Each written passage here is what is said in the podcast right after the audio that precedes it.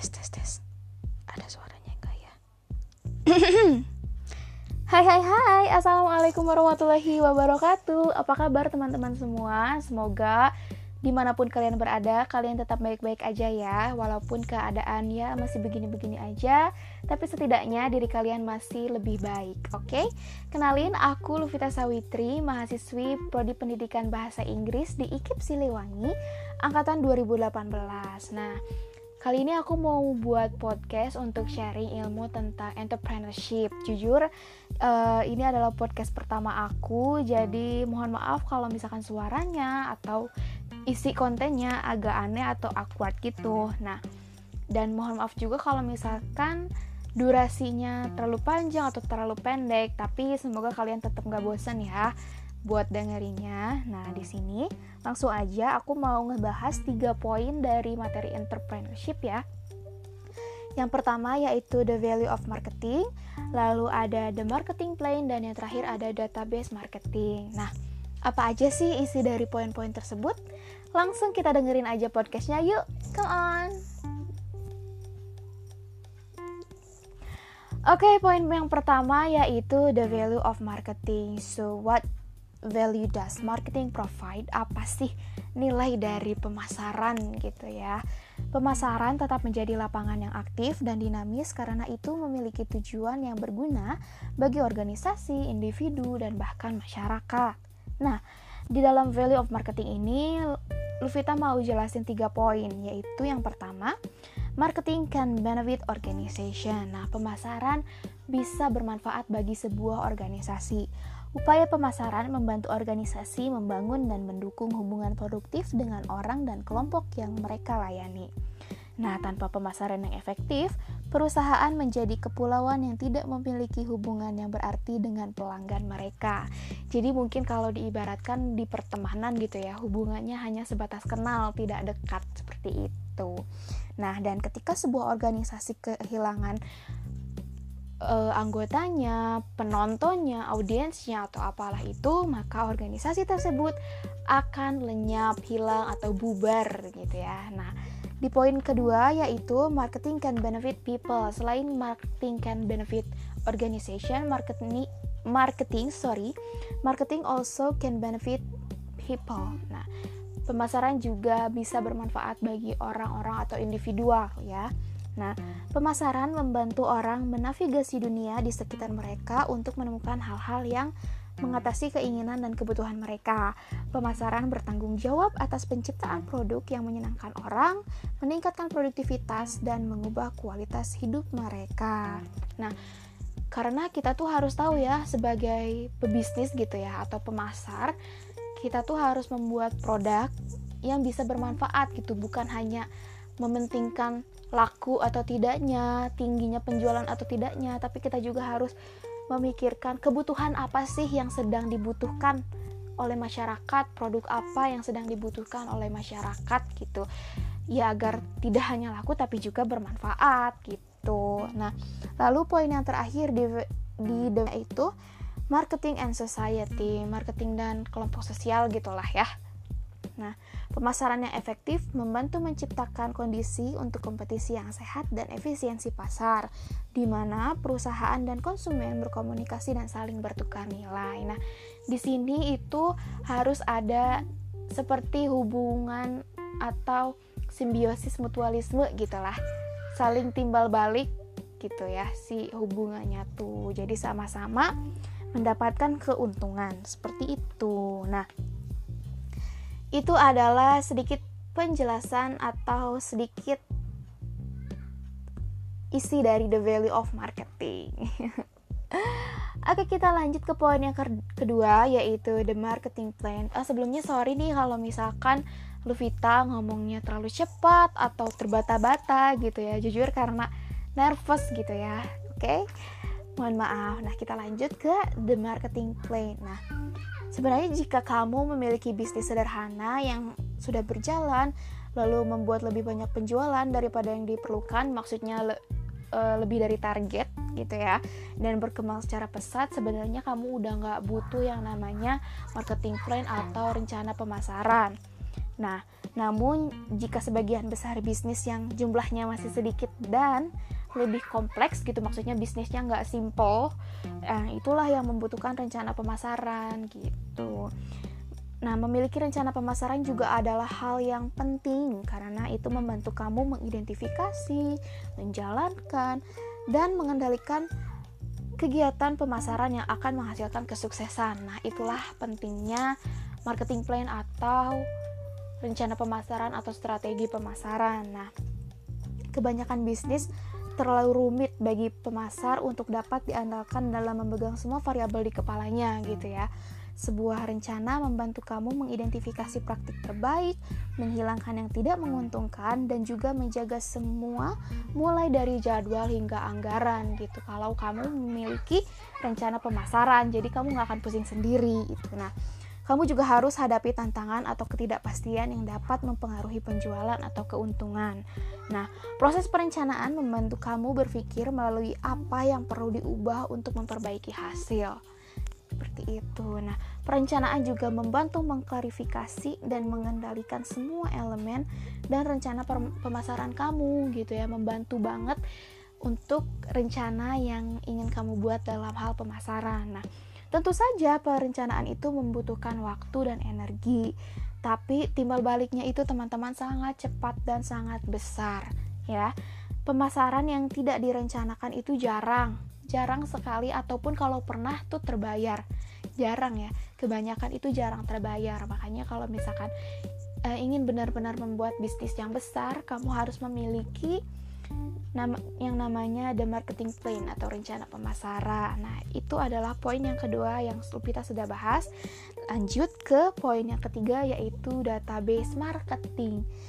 Lalu apa itu database marketing? Apa sih database marketing teh? Database database data gitu. Nah, mungkin pemasar pemula akan beranggapan bahwa database marketing hanya berkaitan dengan daftar kontak pelanggan dan mengirimkan promosi yang tidak diinginkan kepada mereka.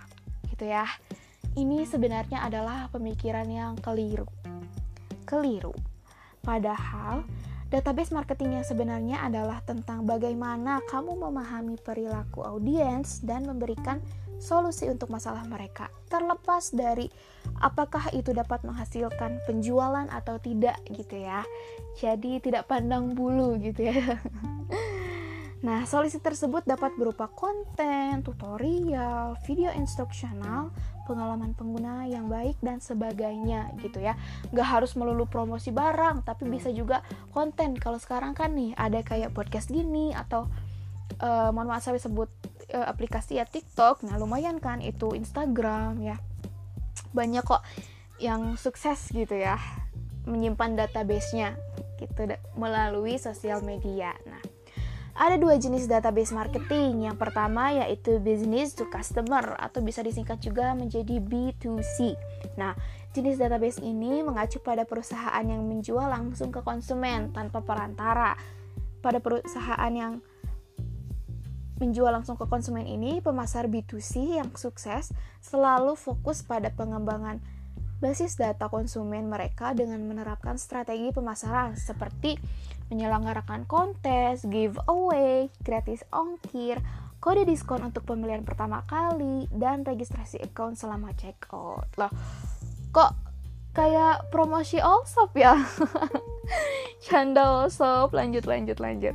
Nah, jenis yang kedua yaitu business to business atau bisa disingkat juga B2B. Nah, jenis database ini mengacu pada perusahaan yang menjual langsung ke bisnis lainnya. Metode pengumpulan data utama untuk pemasaran B2B meliputi pendaftaran acara, unduhan white paper, laporan industri, demo, pendaftaran webinar, tools pemasaran gratis, dan penawaran uji coba gratis. Kalau yang ini kok kayak penawaran semacam premium account ya? Canda premium. nah, database ini biasanya lebih kecil dari database konsumen. Nah, karena pemasar B2B cenderung fokus pada akun target yang bernilai tinggi dan bukan pada seseorang secara personal. Ini sering disebut juga sebagai pemasaran berbasis akun. Ya, nggak jauh beda lah ya sama penjualan premium account. nah, teman-teman, eh, sepertinya sudah cukup ya penjelasan dari Luvita tentang tiga poin tadi, the value of marketing, the marketing plan, and database marketing. Nah, mudah-mudahan podcast kali ini bisa bermanfaat untuk teman-teman dan mohon maaf ya sekali lagi kalau misalkan apa yang disampaikan masih kurang, amat sangat kurang dan dalam segi apa pun itu masih sangat kurang. Mohon maaf dan terima kasih kalau teman-teman sudah mendengarkan dan jangan lupa dipelajari dengan seksama ya karena ini adalah modal kalian untuk mencoba berbisnis gitu. Oke? Terima kasih. Wassalamualaikum warahmatullahi wabarakatuh. Sampai jumpa di podcast selanjutnya. Dah.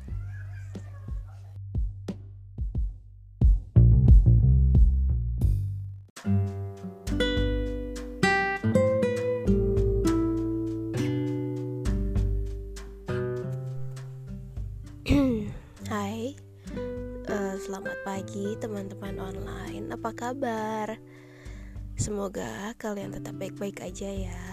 Hmm, aku di sini lagi, ini nih, lagi kena flu dan batuk gitu ya.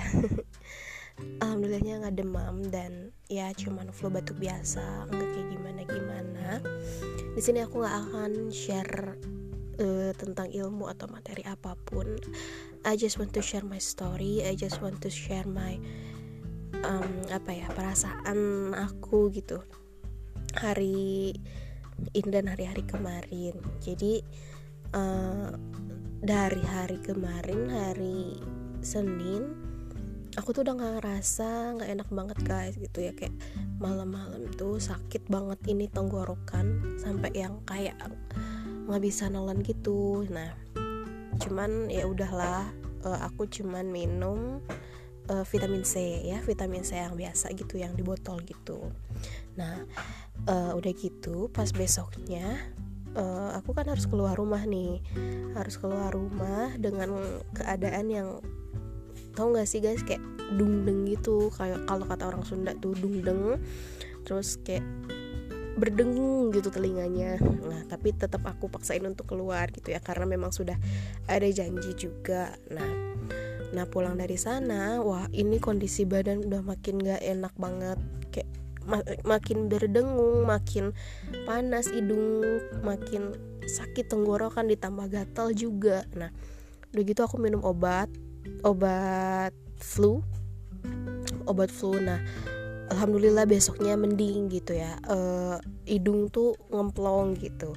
Nah pas uh, besoknya besoknya sebenarnya udah udah agak mending sih. Cuman aku masih tetap minum vitamin C sama obat flu yang tadi ditambah obat untuk uh, tenggorokan ya dari dokter. Nah udah fine fine aja nih. Cuman pas tadi malam mungkin karena aku nakal kali ya kayak aku makan popcorn dan apa namanya keripik singkong gitu. Nah jadilah kayak tenggorokan aku gatel lagi. Terus uh, ini karena dingin juga. Jadi uh, mohon maaf ya lendir atau ingus aku tuh makin menjadi-jadi gitu guys. Nah cuman ya udahlah tadi malam aku langsung aja minum. Minum obat flu yang aku biasa minum sama obat batuknya. Nah aku langsung tidur dan sekarang alhamdulillah mending. Cuman mungkin karena mau sembuh jadi batuknya agak berdahak gitu ya. Dan uh, sorry sorry aja nih ya kalau misalkan kalian jijik gitu. Nah batuknya agak berdahak terus ya mempetnya udah hilang cuman memang masih ada ingus gitu. Cuman ya uh, my condition better than before. Jadi ya itu aja sih mungkin ya. Memang sih kayak nggak penting cuman aku ingin aja gitu share ingin aja bicara gitu sama teman-teman. Dan ya walaupun suaranya masih bindeng kayak gini gitu ya masih apa ya ngirung ngirung kalau bahasa Sunda ya gitu. Ya segitu mungkin ya uh, cerita aku hari ini perasaan aku hari ini dan hari-hari kemarin gitu. Dan sekarang juga aku masih tetap doping sama vitamin C dan nanti malam aku bakal minum lagi obat flu dan batuk. Ya. Ya mungkin segitu aja kali ya guys ya.